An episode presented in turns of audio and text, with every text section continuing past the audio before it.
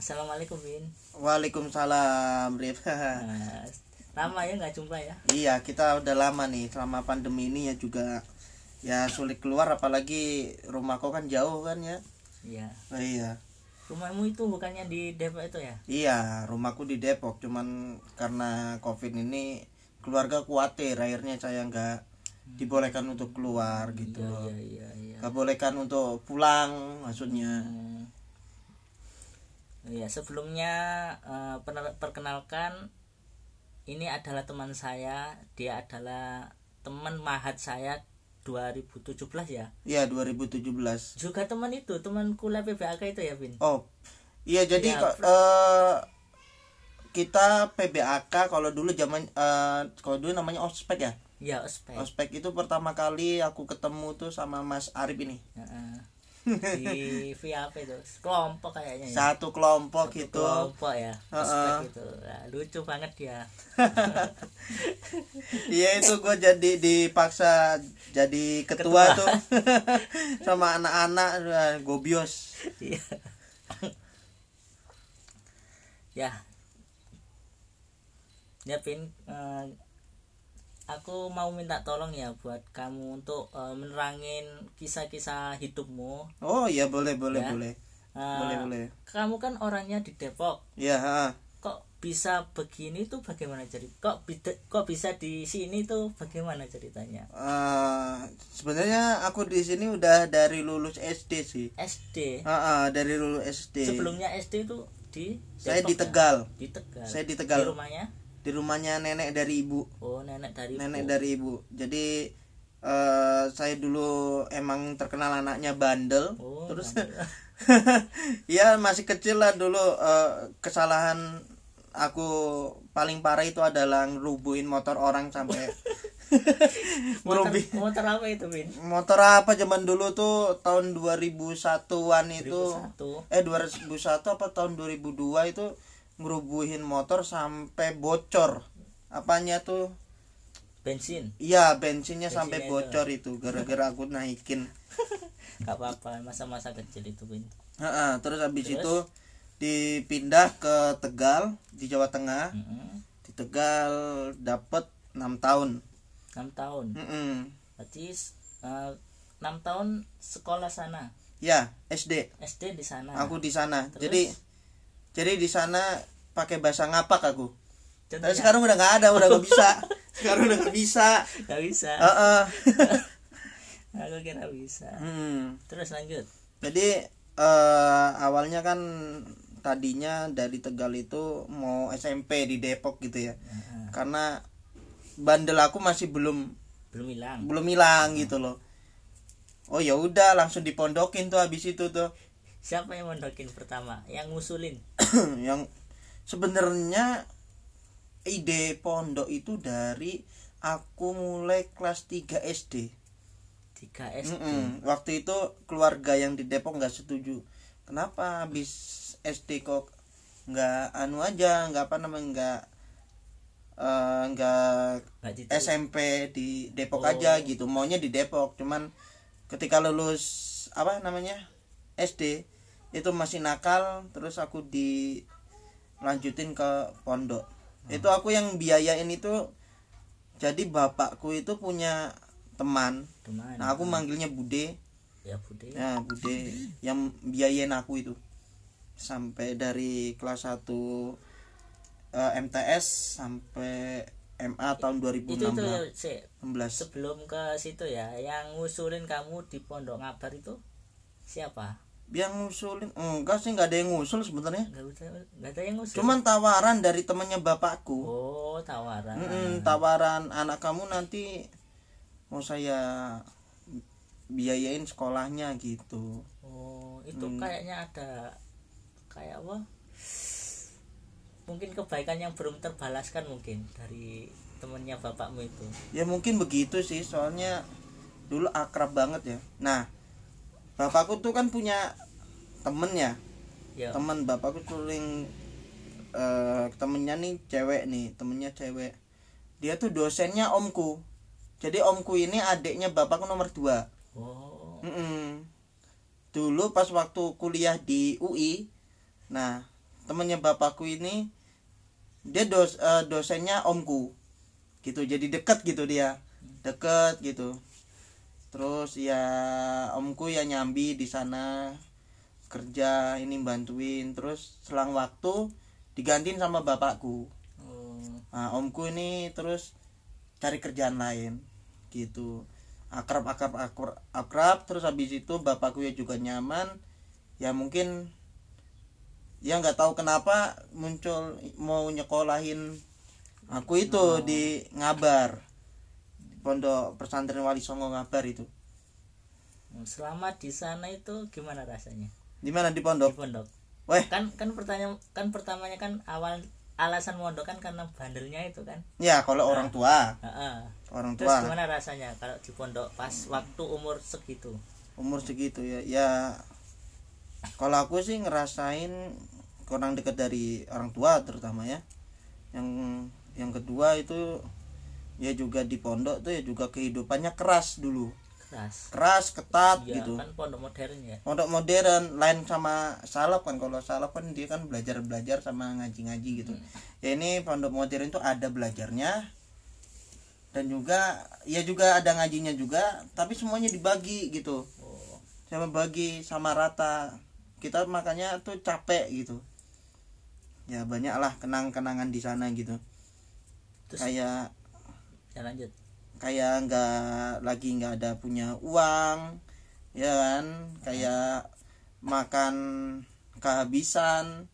Maksudnya mau makan terus dapur kehabisan. Nggak makan berarti? Ya nggak makan. Ini mau nggak mau nggak makan gitu loh. Ya pernah itu kejadian gitu. Ya singkatnya begitulah. Tapi sebenarnya mau cerita lebih dalam lagi ini waktunya panjang gak sih ya lumayan sih. Ya ayo ayo ayo. Terus nggak apa-apa next lah. Next ya. Heeh. Eh, kalau di rumah kan punya bapak sama ibu kan? Hmm, hmm. ya tentunya dulu ada. Oh dulu ada. Mm-mm. aku tuh punya ibu satu ibu kedua ya. Ibu satu tuh meninggal pas me- beliau almarhum pas aku umur dua tahun kalau nggak salah. tahun. Heeh. masih belum. Nggak nggak tahu. Aku sampai sekarang tuh nggak inget mukanya sampai sekarang? Iya nggak inget mukanya. Gimana yang melukai ibuku tuh nggak tahu. Dan paling anehnya lagi sekarang kuburannya juga nggak tahu ke mana. Nah ayah kamu nggak kasih jadi gini toh pas waktu dulu eh mukimnya itu kan di Bekasi di kayak perumahan gitu? Ah, Bekasi. Di Bekasi. Tapi daerah Bekasi waktu itu masih du- dulu masih ada sawah.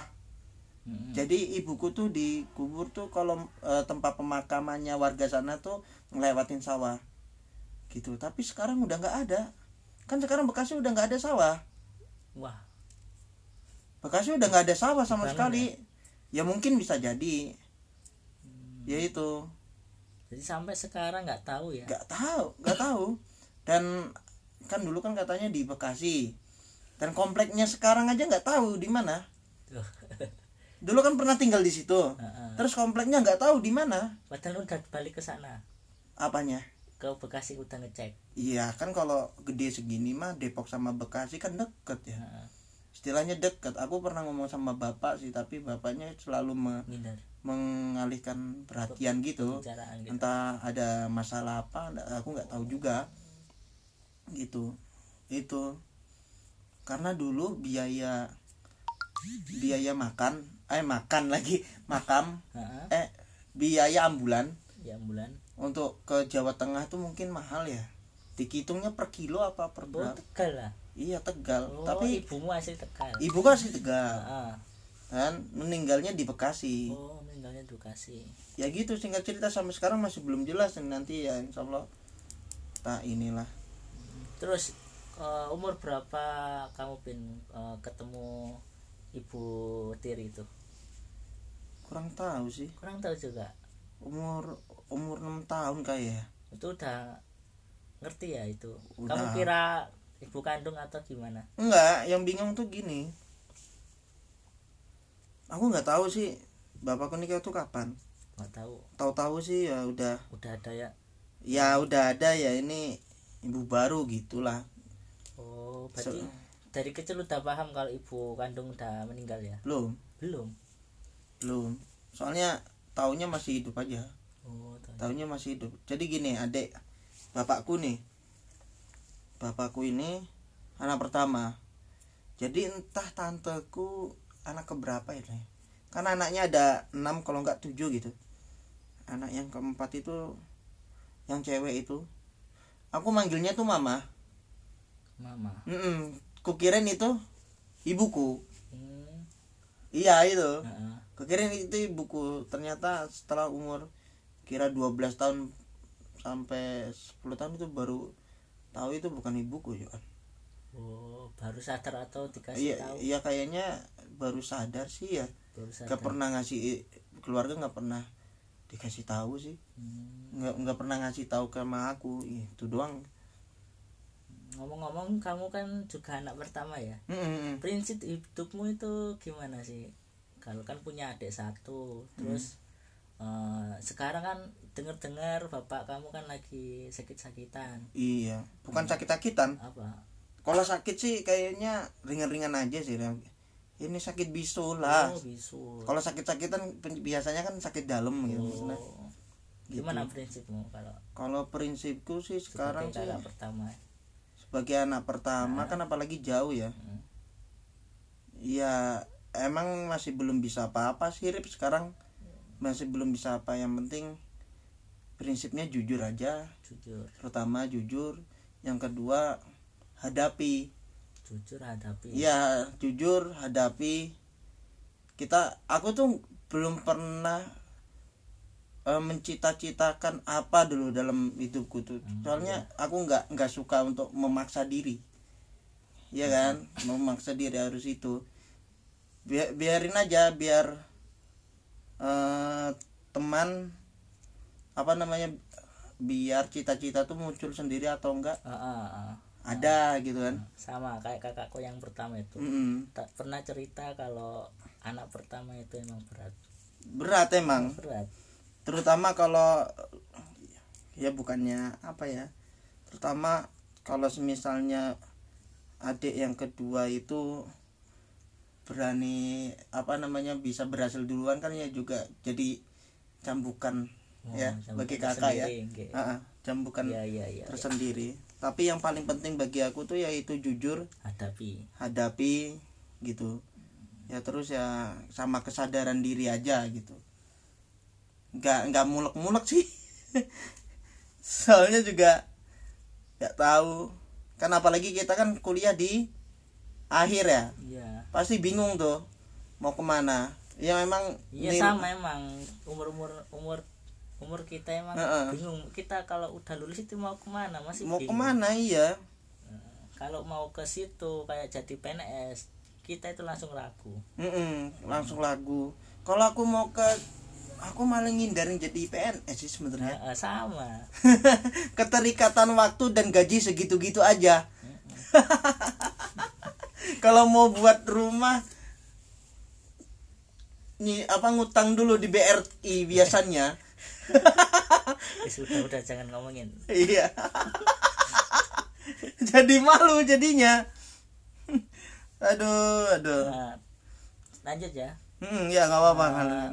kamu pernah nggak eh, konflik dengan keluarga eh, yang keluarga di mama diri atau di keluarga besarmu sendiri yang kandung apa pernah Pernah sih, tapi nggak terlalu di ke besarin nggak terlalu dirasain banget ya. Pernah itu.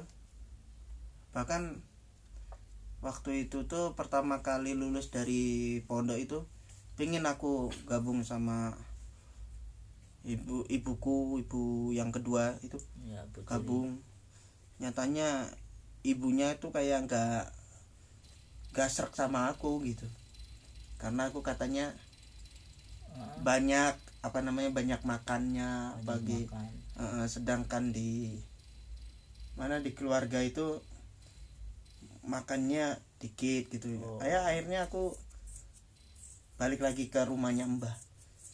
Bayang di? Mbah mbah mbah dari bapakku. Bapak. Jadi Depok ya aku itu bapakku ini termasuk orang yang nggak punya. Nggak punya. Rumah masih belum punya dan ibu sama eh, ibu keduaku sama bapakku ini dia tinggal ngontrak. Gitu. Dengan hidup pas-pasan gitu. Aku dari dari kecil mah udah sama nenek aku. Makanya nenekku welcome aja sama aku. Dari kecil tuh udah diurusin nenek dan aku bantu nenek juga. Gitu. Terus apa lagi ya Vin? Oh ya Eh, ini kan masih muda. Hmm Eh, menurutmu gimana sih kita sebagai anak muda apa yang dilakukan anak muda untuk masa depan? Oh menurutmu ya menurutmu. Menurutku ya nih ya menurutmu aja. Tanpa perbandingan orang lain berarti ya ya, nggak nih ya. usah nggak usah. Nggak usah. Berhenti deh berharap kerja di pabrik. Nah, berhenti karena berharap kerja di pa- pabrik PNS berhenti deh. Terus jadi apa terus mandiri. Mandiri. Lah ya cari uang dapat apa? Enggak bukan gitu ya. Maksudnya tuh ini kan zamannya covid ya. 19 apa apa ekonomi kan macet Turun, kan macet. turun. Terutama eh, untuk kegiatan kata pemerintah tuh suruh di rumah aja. Ya kan? Iya. new normal nu- new, New normal normal. yang enggak kunjung diselenggarakan oleh daerah. Ya kan? Ya takutnya berkelanjutan nah mumpung lagi di rumah aja browsing tuh. Entah nanam cabe. Oh ya ya ya kan? Entah bikin tempe. Oh. Iya kan? Ya berarti s- kita kan di rumah aja berarti kita harus mengisi waktu luang kita Hmm. Ngisi luang- lebih produktif gitu ya? lebih produktif. Heeh. dan juga eh untuk anak muda yang kayak kita ini dan juga punya harapan gitu loh bisnis bisnis punya ya. harapan bisnis gitu loh amin amin iya kan bisnis soalnya pabrik nggak menjamin kalau posisinya kayak gini Eh, kalau pabrik kan ya gitu pulang Heeh. kerja tidur, Tidur. keluarga diri terus kerja lagi Iya. gitu Mendingan- terus Sampai- mendingan apa ya Rip? mendingan kerja sama pedagang pedagang Pedagang. kaki lima deh Hmm, misalnya kayak kerja di nasi goreng soalnya kalau kita udah kerja di pabrik kita jadi anak mesin. Iya. Iya kan? Dituntut oleh waktu dituntut oleh lain-lain. waktu dan lain-lain. belum belum juga eh, tetangga itu tetangga Sam- karyawan. karyawan. Saling menjatuhkan loh. Ah, Eh, iya kayak gitu. Kalau kita kerja eh kerja sama pedagang kaki lima nih kita langsung ketemu sama bosnya enggak? Iya. Misalnya fried chicken. Mm-mm. Tahu tahu pembuatannya pembuatan fried chicken gimana? Terus misalnya sama gorengan tempe apa gimana gitu. Iya iya iya. iya kan? Ah, ah. nah lebih baik kerja di situ daripada di pabrik. Benar benar benar. Kalau misalnya di pabrik kita nggak tahu nggak tahu nggak ketemu sama bosnya. Kalau ketemu bosnya kan pasti strateginya kita tahu. Ah, ah. iya tapi kan persepsi orang kan juga beda-beda ya iya iya Ah, jadi ya terserah terserah orang-orangnya ya yang mau yang lebih baik mana itu ya Hmm. Tapi gini, kalau orang posisinya udah beristri, Mm-mm. kalau enggak udah eh pokoknya udah berumah tangga, ya berumah tangga posisi terlanjur gitu. Ah, Mereka lebih kerja di pabrik, oh iya memilih. Itu mungkin yang disebut persepsi orang yang lain-lain. Ini kan persepsi orang itu katanya itu Mm, kalau sudah menikah mm. itu kan rezekinya double iya, ya rezekinya double. mungkin itu yang menjadi prinsip mereka Mm-mm. untuk menikah muda langsung terlanjur padahal Iya, or- orang yang laki itu masih kerja di pabrik padahal iya. Yang laki kerja di pabrik ya. Heeh. Dan juga sosialnya kurang juga sih. Mm-mm, padahal kalau contoh saja contoh aja itu temanku kan baru nikah nih Heeh. baru nikah Eh, masih ini kan lulusan kita kan masih Mas, berapa tahun tiga tahun kan ah, apa maksudnya? kita kan lulus 2017 Heeh. SMA kuliah 2017 berarti kan tiga tahun Oh, udah tiga tahun. Iya. Iya, udah di tiga tahun. tiga tahun itu juga udah menikah tapi belum punya apa-apa Belum punya apa-apa. Heeh, dia itu kerja di pabrik tapi ya nggak tahu juga mindsetnya gimana. Kalau mindset tapi rata-rata itu yang paling gope itu dari orang tuanya. Maksudnya disuruh menikah itu dari orang tuanya. Nah itu. Itu yang Ah, kadang pengalamanku kalau dia cerita itu yang nyuruh itu orang tuanya kadang ibunya yang lagi sakit pengen punya cucu. Nah. terus kadang yang ibunya yang perempuan nyuruh kok dipacari tok Heeh. anakku kok dipacari tok kok kapan rabine nah ya mungkin tuh pre pre pres apa? Persepsi. Anu ya agama mungkin ya Oh, karena karena bapak ibunya itu enggak seneng lihat orang pacaran nanti kelama kelamaan zina mungkin ya. Tapi gimana ya ini yang nafsu orang tuanya nih pingin punya cucu. Mungkin mau mau mati. Astagfirullahaladzim. Udah mau tanah Astagfirullahaladzim. Ya Allah. Kalau aku sekarang nih pikirannya satu sih sebenarnya. Yang penting selesai dulu kuliah kan? Ya habis selesai kuliah berhasil cari kerja. terus orang tua bisa makan gaji aku. Mhm. Selama berapa tahun gitu baru aku izin. Kan fair ya? Iya. Terus ngomong-ngomong soal Dika tadi ya. Hmm. nikah nih lanjut nih. Enggak enggak kita ke menurutmu cinta itu gimana sih? Cinta itu jangan buat main-main ya. Mhm. contohnya kayak pelajaran orang-orang tua dulu tuh banyak banget tuh dikasih kesempatan kuliah bukannya wisuda malah bawa pacar. Eh iya Banyak, dong. banyak. Banyak dong. Banyak banyak. Tapi yang pacarnya yang cowoknya ini padahal pinter. Iya. Iya kan? Mhm. cowoknya sampai apa namanya sampai rela bayar UKT-nya tuh buat pacaran buat apa akhirnya cowoknya di DO Duh, itu temanmu ya, Pin? Hah? Temanmu? bisa bisa. Bisa. Jadi perlakukanlah wanita itu seperti berlian ya.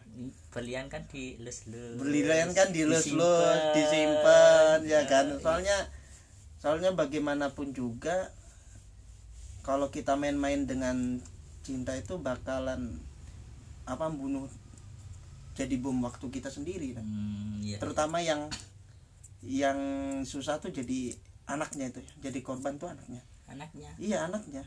Ya mau mau cerai bapak sama ibu cerai yang korban anaknya. Anaknya nggak bisa sekolah anaknya nggak bisa apa ya kan? Mhm. kalau aku sekarang sih ngerusak apa ngelebur diri ya sekarang ya. Apa sih? Gak terlalu merawat badan. Sebenarnya aku bisa merawat badan. Kayak apa perawatan ini dan itu tapi aku takut sih sebenarnya takut pas waktu kuliah itu bisa pacaran dan aku pun sok-sokan punya ini Tadi punya tadi itu bilang apa tadi? Hah? Kuliah bisa pacaran. Iya, maksudnya kul eh, pas waktu kuliah tuh eh, bisa pacaran gitu. Eh, menghindari itulah sebenarnya Oh. aku. Soalnya prinsipku itu kan kalau soal cinta nih ngaca lah pada diri sendiri lah. Sama, aku juga cuma ya. Karena itu pertama pedaku gadul ya. uang pas-pasan Uang pas-pasan. nggak bisa cari uang sendiri ya. Iya, so. Sekarang gini. sadar diri emang Iya ya kan? Sekarang gini. Cewek kita juga orang toh, bukan Iya, hewan. iya jadi satu orang itu diurus sama bapak ibunya tuh empat-empatan pasti. Mm-mm. ibu ibu dan bapaknya tuh nyekolahin dia makanin dia setiap hari Hmm. nyenengin dia setiap hari Iya. eh ketemu sama kita. Terus kamu pacarin. Itu pacarin. Terus kamu enak-enak iya. Nggak boleh tuh. Enggak enggak bos. Di mana di kita di bukan orang seperti itu. Bukan bukan aku. Kita, aku bukan orang yang seperti itu ya. Maksudnya aku pun di depan orang lain pun juga gila gitu. Kenapa kok gila? Biar orang-orang tuh mandang aku tuh Oh, kayak iya kamu itu emang kayak eh, kayak ini kayak nggak pantas. Iya nggak pantas gitu ya. Kayak kayak nggak pantas. Eh, maaf lagi ya sponsor udah dibuka. Bentar ya dek bentar ya masih lagi rekaman. Tugas kuliah. Tugas kuliah mas. Bentar. Bentar. Ya sponsor. Iya sponsor itu. Iya kan? Maksud maksudku tuh aku mam eh, aku sendiri sebenarnya eh, nge ngeklaim diri sendiri tuh bisa gitu nyala ngerawat wajah atau enggak ngerawat badan supaya bagus apa gimana gitu ya ya dan bukan bentuk penyamaran sih bentuk ngindar aja dari orang-orang gitu. Soalnya kan banyak juga sih apa namanya kalau aku kayak ngaksi terus bergaya gitu takutnya kena gitu. Bisa berpacaran kan aneh gitu kan. Makanya aku kalau di depan orang itu banyak cewek itu kadang aku gila. seperti kayak orang gila. Ah, tahu seperti tahu. kayak ya menghibur diri. Menghibur diri dan menghibur terus orang lain. eh, apa namanya biar gimana caranya yang cewek itu tuh jangan ada perasaan apa gimana. Kalau bisa jijik deh. Ah, jijik. Kalau kalau wanita itu merasa nggak jijik dan bertahan sama kamu berarti dia orangnya setia ya mungkin. Iya iya iya mungkin sih. Ya itu cara untuk sekarang ada nggak orang gitu? Enggak selama ini belum ada. Belum ada ya? belum, Belum ada. menemukan apa belum ada gua nanti aja sih. Oh nanti aku sih lebih lebih suka ini sih. Datengin bilang. Uh lebih suka begitu. Datengin bilang. Datengin ke rumah. Datengin ke rumah ceweknya. Heeh. dengan gentleman aku bilang. Dan aku bisa tapi itu wanitanya udah kamu kenal kan? Lah kalau nggak kenal gimana? Oh. kayak orang gila lu lu. Kenapa lu. Ya kan? Gini. Sekarang gini loh umumnya cewek itu semuanya itu kau tahu. Kalau ada temannya nikah Ah. itu pasti bapernya minta ampun. Terus di dalam hatinya tuh berbicara dia aku kapan nikah ya? Aku kapan Iya, wah cewek kalau cewek. Kalau cewek gitu Ya, kan? kalau cewek gitu. Nah kita nunggu yang itu tuh. Oh bener. Bener masuk masuk. Oke aku tiru. Aku tiru. kita nunggu yang itu tuh. Bener bener berarti kita nunggu nunggu wanita yang agak tua bukan. Bukan. Bu nunggu teman-temannya. Bukan. Nunggu nunggu apa yang kita incer itu sampai mempunyai perasaan yang seperti itu. Oh. Terus cara mengetahuinya? Cara ngetahuinya lihat aja sampingnya temennya. Oh, iya, iya. udah nikah apa belum? Temen ya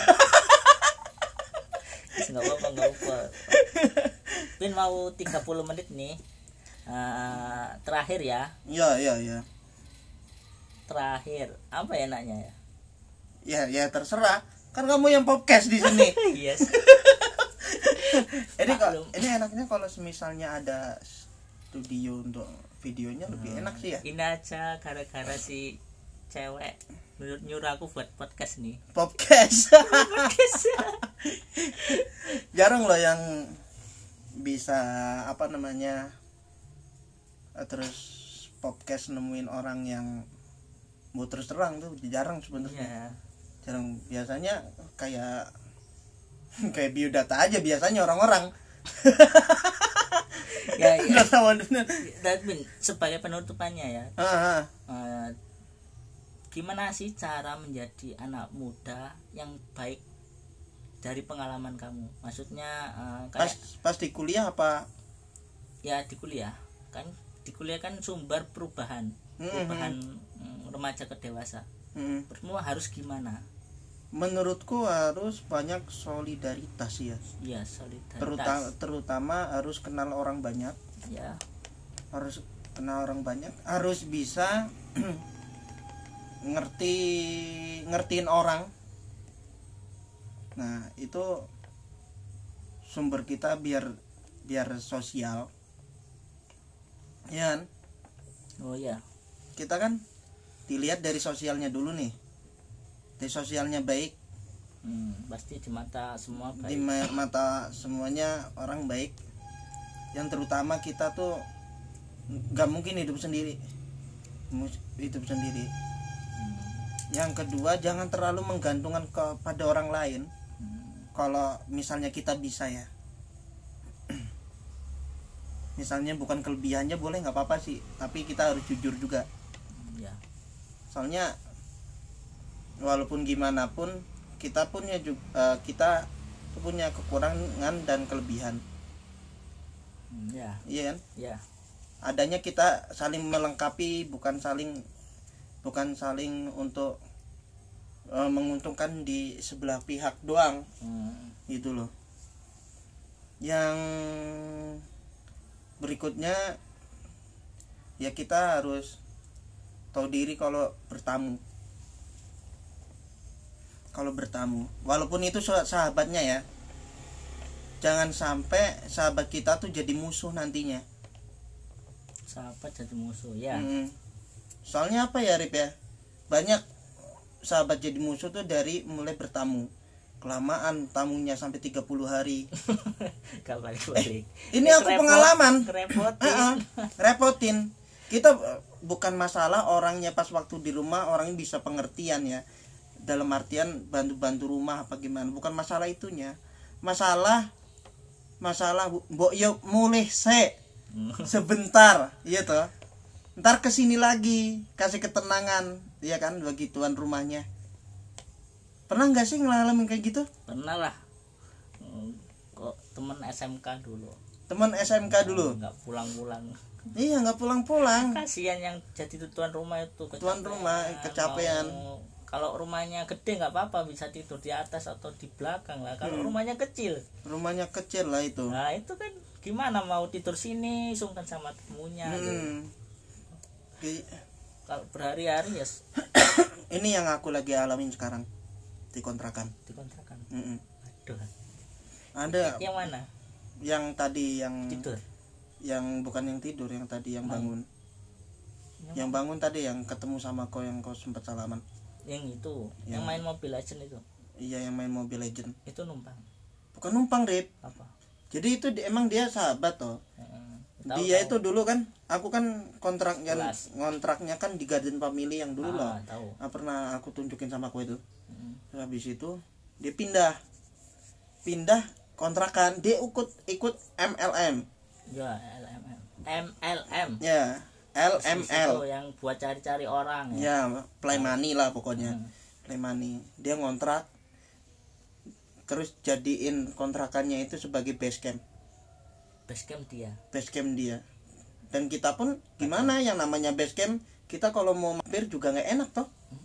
Iya akhirnya selang waktu lama dia mungkin selek sama orang itu apa berbeda pendapat pas waktu membernya sudah banyak. Terus akhirnya pelariannya ke kontrakannya orang. Duh. sampai sekarang nggak? Sampai sekarang sampai aku Tiga pas waktu ya? Uh udah lama no Lama. Dia pun pulang pun juga kayaknya cuma ngambil baju. Oh, rumahnya mana emang ya itu Rono Wij eh, ya itu Rono Wijayan situ. Dekat pacaran yo. Heeh. tapi main di kontrakan orang. Hmm, terus ya sampai itu kan juga temanku juga Afriza tahu nggak kok pacarnya Napi? Tahu. Jangan sebutin. Gak apa-apa lanjut. Ini sama sih sekelasmu juga ya lihat nan- nanti. Ya nanti kalau semisalnya nggak apa-apa lanjut. Enggak maksudnya temen temanku Afriza. Afrija pacarnya Nafi. Ya pacarnya Napi itu dia tuh ngontrak. Yang kontrak tapi dia tuh ya ditumpangin sama orang sampai berbulan-bulan gitu. Kasihan orangnya. Yang tuan rumahnya kan udah ngode-ngode tuh. Keluar setiap hari aku juga kasihan sama dia. Kadang "Ay- ayo ke kontrakanku. Itu ayo ke, ke kosanku aja. Ayo tidak apa gimana. Ya kita kan temen juga. Aku pun jujur jujur loh kalau udah tiga hari itu udah gak nyaman aku. Ngerasa nggak betah. Bukan masalah dia pengertian apa enggak apa dia sering beliin beras apa dia sering kerja kerja rumah. Masalahnya tuh cuma satu boyo mulios dilut ngono loh sadar diri harus iya sadar diri gitu loh. tadi ya sadar diri. Mbok ya mbok ya mulios dilut. Ngono loh maksudnya ning omahe wong ki oleh seminggu sepisan apa seminggu ping loro. Jadi kan ada orang tuh nyaman gitu loh. Nah, nyaman. Heeh. Ya gitu aja sih sebenarnya sih. Ya Gitu aja. itulah. itu ya. Nah teman-teman tadi itu kisah dari Garvin Garvin ya. Dari ya sepele ya, Ya. kisah dikit lah itu. Bisa dikit cuma cerita-cerita sharing-sharing gitu ya. Jadi menurut eh, Mas Garvin ini yang dilakukan yang harus dilakukan oleh anak muda itu yang pertama itu harus jujur. Hadapi solid solid soli apa? Solidaritas. persaudaraan ngertiin orang jangan mementingkan diri sendiri dan tahu diri Mm-mm. sadar diri. Mm, jadi eh, kalau mengambil garis besarnya menurut Garvin itu eh, jadi anak intinya itu jadi anak itu harus sosial untuk kehidupan ke depan ya. Iya. sosial itu sangat penting di iya kehidupan ya. kehidupan. Ah, ini sebenarnya sosial ini lagi dibunuh soalnya. Ya benar. Emang masa covid. sosial itu kayak adem gitu. ya gitu aja ya mas. Ya ah, makasih banget nih udah Ya, diundang nih ma- ma- banyak makanan sini. Itu juga ambilnya gratis kok iya dah. Terima kasih ya buat waktunya Bin iya. Hmm, lain ah. kali eh, aku undang lagi ya. Ya nggak apa-apa nggak apa-apa. Oke, see you. Yo, Cok yeah. lali di rung rek.